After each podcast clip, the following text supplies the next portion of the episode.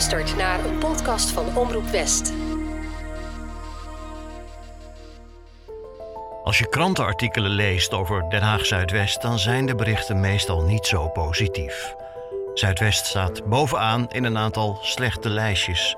De armoede is groot, de werkloosheid hoog, de gezondheid van veel mensen moet veel beter en veel woningen zijn in slechte staat.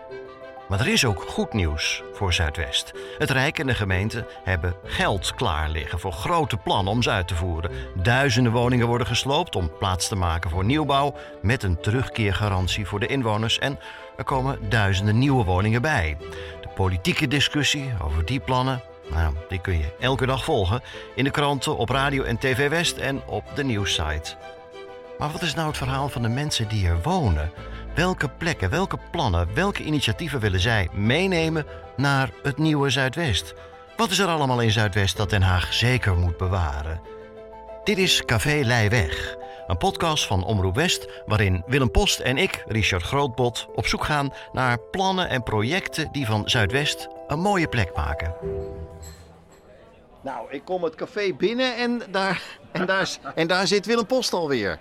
Ja, en ik zit hier nou al een tijdje en ik heb me echt ingehouden. Maar dan kom jij binnen en nou, verdraait, dan krijg ik dus weer trek en een broodje bal. Ja, mag ik? Nou goed, dit gaan we meteen dit gaan we oplossen. Mevrouw, Dus ja? een broodje bal voor meneer Post? Ja, inderdaad. Ja, ja, bro, ja. Komt voor elkaar. Goed, Willem, we- we- wie, nou, we houden erover op. Wie, wie, wie gaan we vandaag eh, bezoeken? Wat, wat gaan we doen? Ja, dat, ik, ik, ja, ik zit er zo naar uit te kijken. Weet je, dat is een bijzondere man. Eh, ik zou bijna zeggen, toch ook een soort Mr. Zuidwest. Ja, een Mr. Zuidwest. Pierre Heijnen. Nou, die man heeft een, een, grote maatschappelijke carrière eh, opgebouwd als jongetje eh, ooit, hè, uit Den Haag Zuidwest. Wethouder onderwijs geweest, Tweede Kamerlid. Maar dat doet er allemaal niet toe. Dat is niet belangrijk. Het is een jongen van Den Haag Zuidwest. En dat merk je nog steeds aan. Echt. Hè, dat zullen we dadelijk als we hem ontmoeten. Hè, ik hoop dat we hem kunnen vinden. Dan, dan zul je dat merken. Dit is een bloedfanatieke ADO-supporter. Zoals je er nog maar weinig hebt. Hè? Die volgens mij nou sinds eh, 1960, nou zo oud is Pierre niet, maar eh, geen wedstrijd gemist zeg maar. Hè? In, in, in, in regen, storm. En ja, eh, Pierre, die, die, die, die woonde, als ik het goed heb, helemaal aan, aan de rand van de stad. Ik, ik woonde bij de Leijweg. Dus eh, Erasmusweg, Leijweg, daar had je natuurlijk alles. Maar we gaan nu echt naar het einde van de wereld. Want we vallen bijna van de rand af. Volgens mij was het ook landzijde. Dat heeft ook zoiets. Bij de Lozerlaan. Nou, daar houdt Den Haag op. Einde van de wereld. Nou, moet ik wel Je hebt ook nog zoiets als de Uithof, volgens mij dan. Ja, en het Westland begint daar. En ik, Ik wou net zeggen. ik heb daar ook wel eh, eh, tomaten geplukt, volgens mij eh, Pierre ook. Nou, wat ik wel heel erg leuk vind, ook aan Pierre als je met hem praat. Ja, dat was ook een man van het verenigingsleven. En denk erom, dat zegt ja natuurlijk helemaal niks. Hè. Want jij komt niet uit Den Haag Zuidwest, Richard. Je leert het nu wel kennen. Pierre zat bij Lens, Lenig en Snel. En ik bij Fios en daarvoor bij Celeritas. Lens, wat, dat was een begrip in Den Haag Zuidwest. Een hele grote vereniging. Hè. De jeugd speelde tegen Feyenoord. Pierre heeft daar ook gevoetbald, heel veel voor die vereniging gedaan. Dus, dus Den Haag Zuidwest zit die man in het bloed. En dat is, ja, en Pierre is ook een man, dat heb ik hem ook wel eens horen vertellen. Ja, kerstbomen razen. Hè? Dat was, het was ook niet echt een lievertje volgens mij. Maar ik ben, ik ben ook wel geïnteresseerd, want hij is ook politicus. eh, en ja, hij heeft ook zeg maar, de andere kant als politicus van Den Haag Zuidwest gezien. Hij heeft de problemen ook gezien. Ik ben heel benieuwd hoe hij nu tegen, tegen dat stadstil aankijkt. Ja, daar ben ik ook benieuwd naar. Want natuurlijk heeft hij hart voor Den Haag Zuidwest. En ja, die plannen om de wijk toch weer beter te maken. Ja, die stammen volgens mij al van een jaar of twintig geleden. Volgens mij was Pierre daar dan ook wel bij betrokken. Ja, dat is natuurlijk super interessant om met hem door het huidige Den Haag Zuidwest eh, te lopen.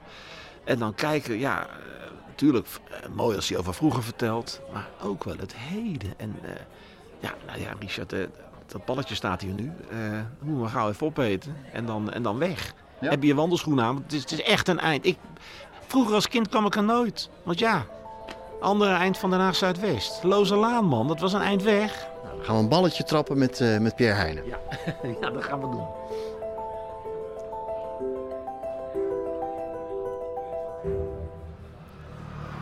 Aan de overkant van het water heb je de Uithof, achter de Lozerlaan. Dit zijn de steden, de zichten en de zijden. hè. De Hengelolaan die er dwars doorheen loopt. Daar verderop daar ligt eh, Morgenstond, nog weer daarachter het Zuiderpark. Het echte Zuidwest, zegt Pierre Heijnen. En hij wijst ons aan waar zijn ouderlijk huis was. Welk balkon dan precies zijn balkon was, ooit in de late jaren 60. De tweede van rechts, de tweede verdieping, aan de landzijde 323. We kijken nu op, de, op het balkon uit. Op dat balkon lagen ook ooit kerstbomen, maar dat is een ander verhaal. Eh, maar we staan hier in de bekende tuinen hè, van Den Haag Zuidwest, waar eh, we echt altijd aan het spelen waren, altijd aan het voetballen eh, waren. En we staan nu vlakbij uh, ja, de tuin die mijn vader de laatste jaren van zijn leven heeft onderhouden. Ik zie een zee aan, aan, aan roze bloemen. Wat zijn het? Rozen? Of, Dat nou zijn rozen, ja. Ja, prachtig. prachtig. Maar uh, ja, ik was daar zelf niet zo bij betrokken. Maar hij ontleende daar heel veel plezier en zingeving aan. Uh, he, dat zou in mijn jeugd niet denkbaar zijn geweest. Want dan hadden we die ruimte echt nodig om te voetballen. He, want je moet je voorstellen dat in die 24 woningen in deze flat, galerijflats, ja, daar woonden wel 50 plus kinderen. Dus allemaal werkende vaders. Uh, allemaal niet werkende moeders, want dat mocht niet in die tijd. En een geweldige hoeveelheid kinderen. Uh, want dat waren ja, mensen die zich hier vestigden. Dus wij kwamen van de Borzotstraat op Scheveningen, van Driehoog achter.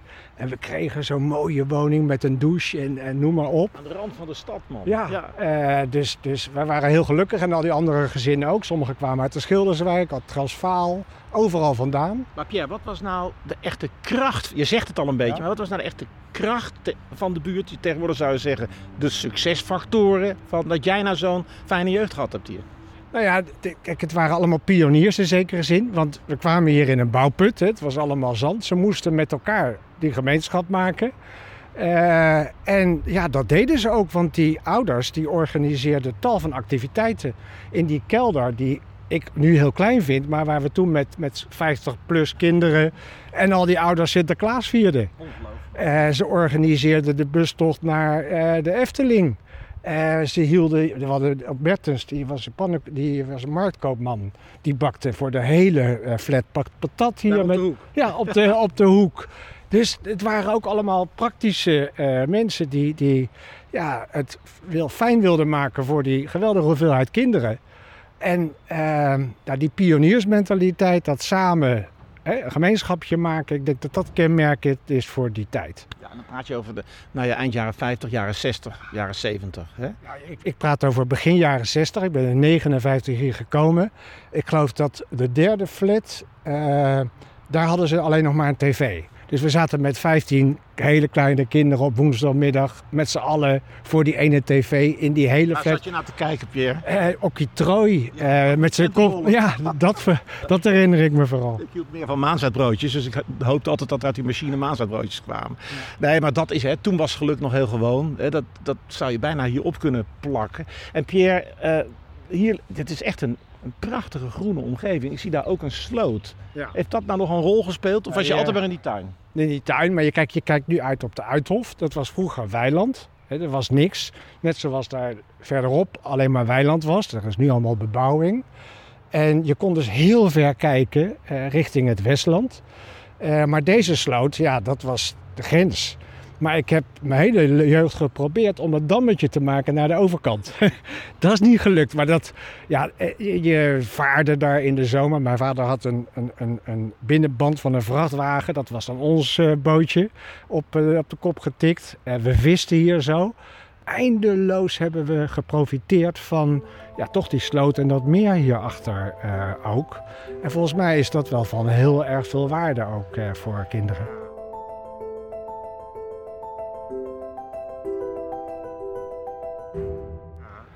Jij voetbalde dus ook hier in die, in die binnentuin heel vaak. Hè? Maar je speelde ook voor het Echi op een gegeven moment. Jij ging naar een beroemde club, mogen we wel zeggen, hè? hier in Den Haag. Ik voetbalde bij Fios en Celeritas. Hè? Vriendjes gingen dan naar de andere club, daar ging ik mee. Maar, maar jij hebt bij een andere beroemde club gespeeld. En ja. hoe, hoe ging dat toen, Pierre? In de volksmond heette die Langzaam en Sloom. Ah. Maar de officiële naam was Lenig en Snel. Je speelde wel tegen Feyenoord, hè? de regionale ja, ja, jeugd nee, we, we hadden hele goede, goede uh, teams. Maar ik speelde altijd in het laagste elftal. Uh, dat vond ik ook niet zo heel erg. Wat ik wel erg vond, was dat je pas op je tiende uh, lid kon worden. Want er waren te veel kinderen en te weinig velden en te weinig uh, leiders. En bovendien heerste er ook nog de opvatting dat het niet zo gezond was om heel vroeg te beginnen. Je moest elke jaar nog gekeurd worden, moest je helemaal naar de stad. Herinner je dat? Nou, nou je zegt, herinner ik me dat, ja. Dus, dus als je ziet hè, wat voor nou ja, omstandigheden allemaal, maar eh, ik heb daar met heel veel plezier 47 jaar lang gevoetbald. Van mijn tiende tot mijn 57ste. Eerst Lenige Snel, Lens. Later Eskamp, hè, toen gefuseerd werd met Vios en Kromvliet. Maar Pierre, en kijk, dat is ook nog een beetje de tijd van de verzuiling. Hè? Begin jaren 60, was, dat was een katholieke club, Lens. Ja, klopt. Er was een kapelaan en die zegende ons in als we op de fiets helemaal naar Loon op Zand in Brabant gingen voor het voetbalkamp. Nou, dat hielp echt hoor, bij het drinken van sneeuwwitjes.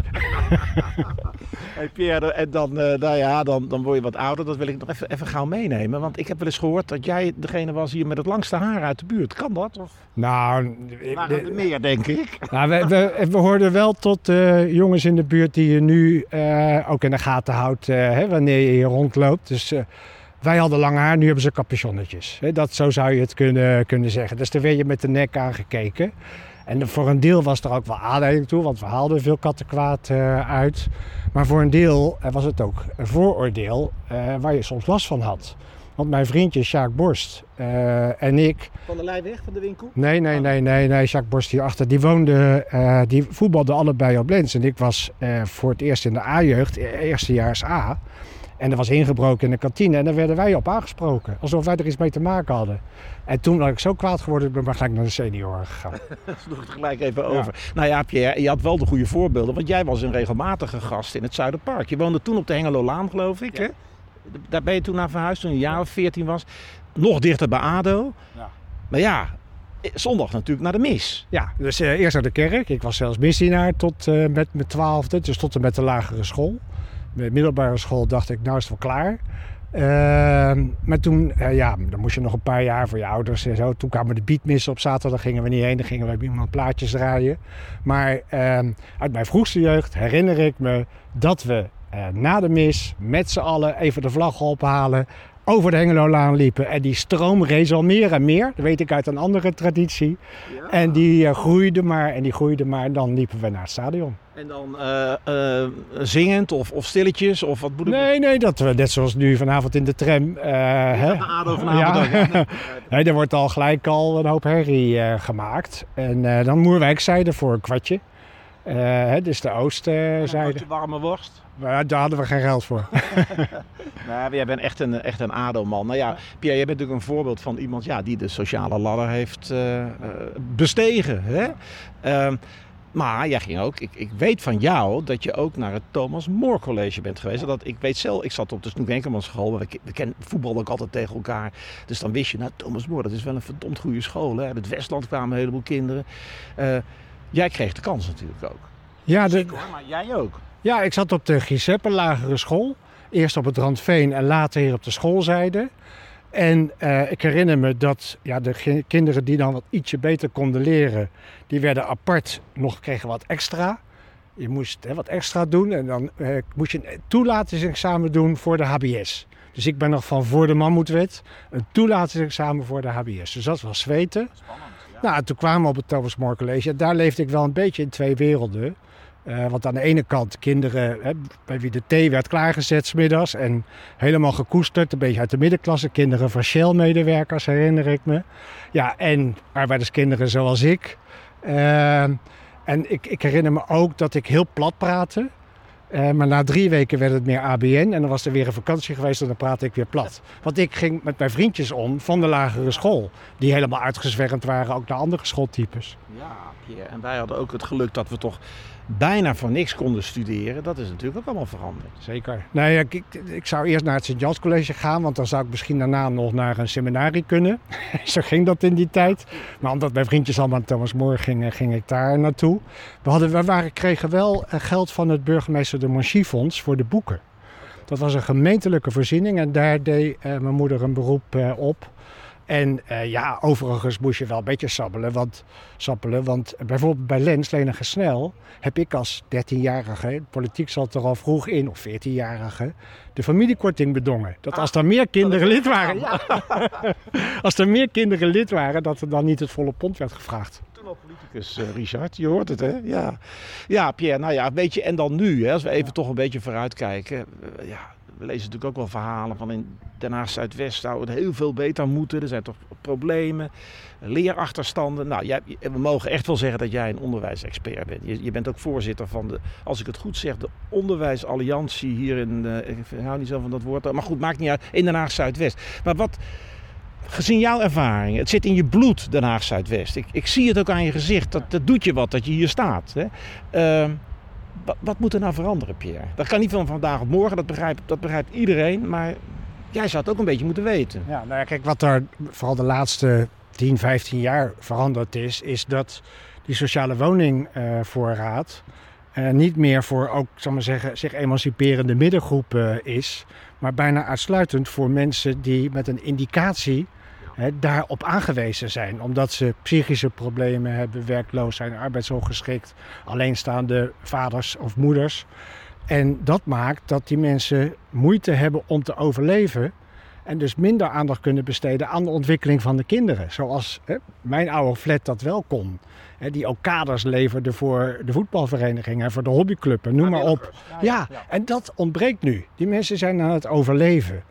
Uh, dus uh, we moeten meer doen vanuit de scholen en het welzijnswerk en de sport en de cultuur. Om die kinderen net zo'n ja, grote wereld te geven als jij en ik hier hebben gekregen. En wij hadden een bibliotheek in de steden. We hadden een bibliotheek aan de Leijweg. We hadden een bibliotheek in Moerwijk. We hebben een tijdje hier in Zuidwest alleen maar een bibliotheek op de Leijweg gehad. Ik heb alle boeken van Jan Wolkers uit de bibliotheek ja, toen gelezen nee, maar, voor school. Nee, maar het is pas recent dat er weer een bibliotheek in Bouwlust is. Het komt dus terug. Het, het komt ja. terug, maar het is natuurlijk eigenlijk een schande dat het daar zo lang niet geweest is.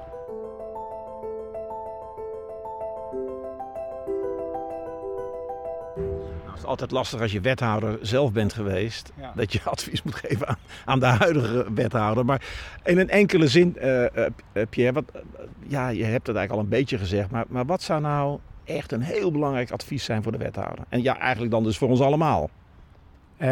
Nou, zorg ervoor dat kinderen vanaf hun 2,5e naar een vorm van voorschool of kinderopvang gaan. Dat is prioriteit 1.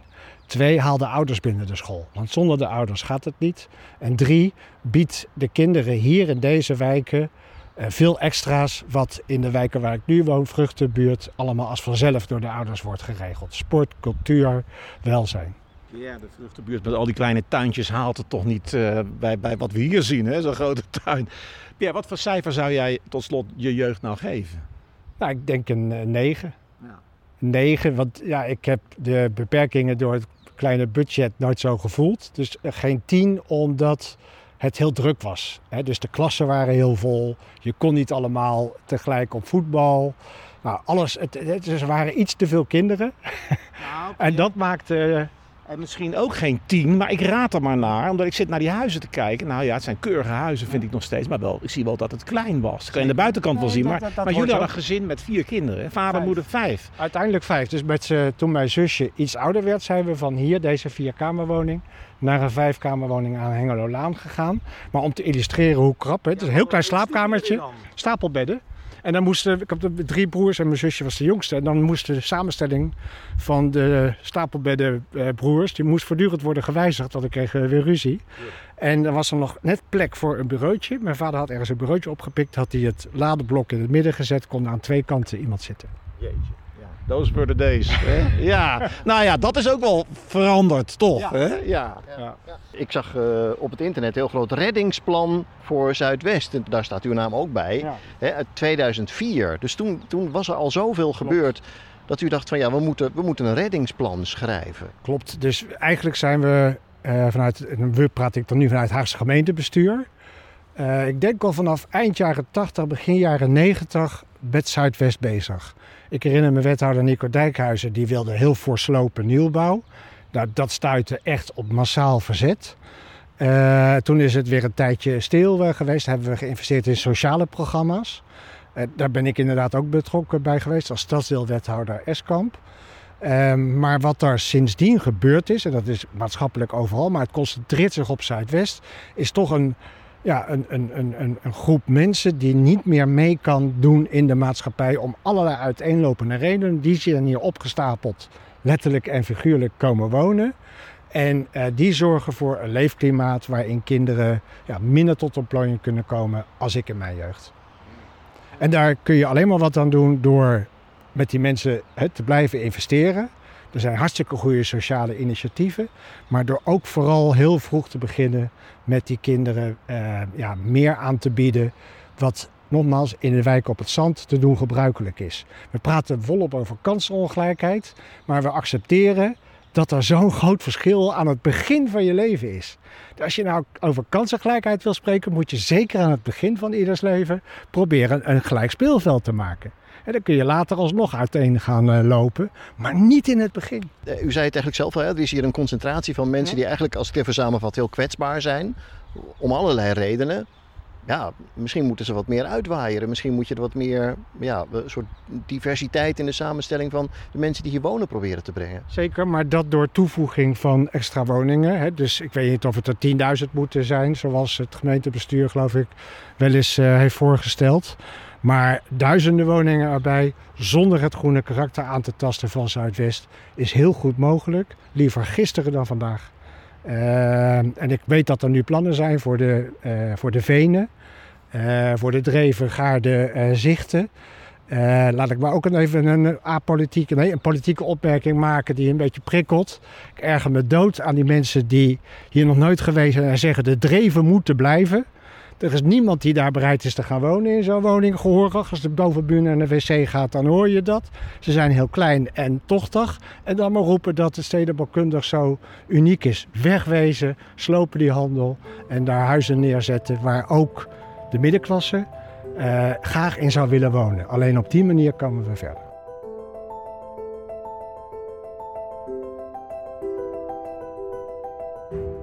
Nou, dit is dan de centrale ruimte. En hier werd gewoon een massaal Sinterklaasfeest gevierd. Dat is toch niet voor te stellen? In de kelder? Ja, kunt, ja. Het is vrij groot toch? Ja, we hadden verder geen gemeenschappelijke ruimte. Je had uh, al die flatjes. Ja. En uh, ja, vrij groot, maar moet je je voorstellen dat je hier 50 Nee, kinderen en, beetje en, en 20 volwassenen in hebt. Het is een klein klaslokaal bijna. Hè? Het Wat is een groot. klein klaslokaal, ja. En ging je dan, eh, Sinterklaas kwam hier ook nog figuurzagen. En, Ja, nou ja, daar hadden we ook een, eh, een eh, kelder voor in de Rade. Dat was van de kerk. En daar gingen we zagen. Mijn eentje mislukte altijd. Maar goed, dus figuurzagen heb ik weggedrongen. Totdat ik jou weer tegenkom, Pierre. Dan komt het Nee, figuurzagen maar hier, hier was het eh, ja, fantastisch spelen. Ja. Ja, dan kun je je voorstellen dat die galerijen en... nou ja. Dus ik heb, ik heb het hier hartstikke naar mijn zin gehad. Ja. Ja, dus, eh, Zou die niet bomen? Het lijkt wel een klein bosje hier, hè? nou, ik denk dat dit er altijd wel was. Maar die bomen waren er niet. En dit, dit ook niet. Het was veel kaler. Je ziet op foto's. Hè. Ik heb de foto hangen van ergens begin 70 jaren. Die door de brandweer toen gemaakt is. Een soort, wat je nu met een drone zou doen. eh, van Zuidwest. En dan zie je hoe kaal het eigenlijk is. Ja. Maar als kind eh, vind je dat eigenlijk alleen maar prachtig. Ja.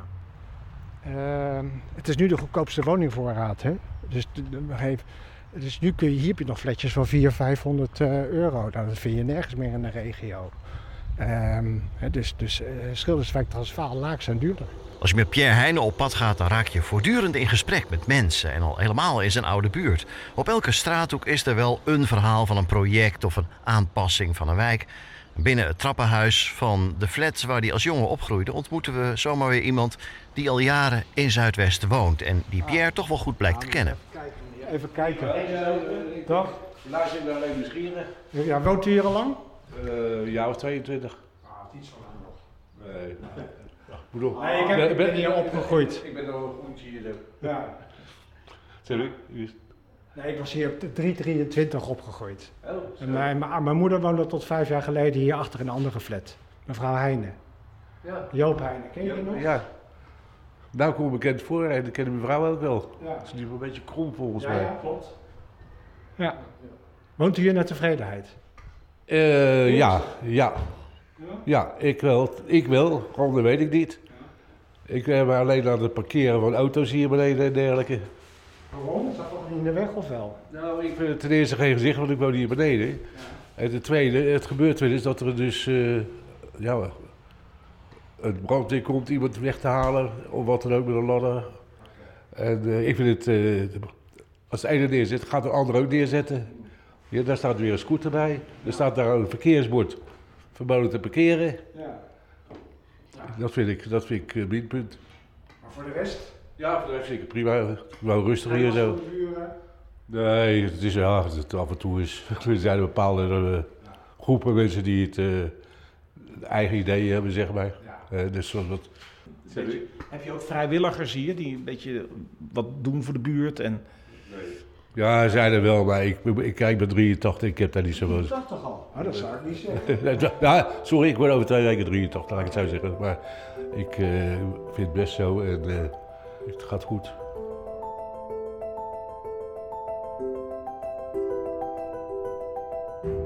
Kijk, als kind, dat zul je misschien ook herkennen, je wereld wordt steeds groter. Hè? Je begint in de buurt.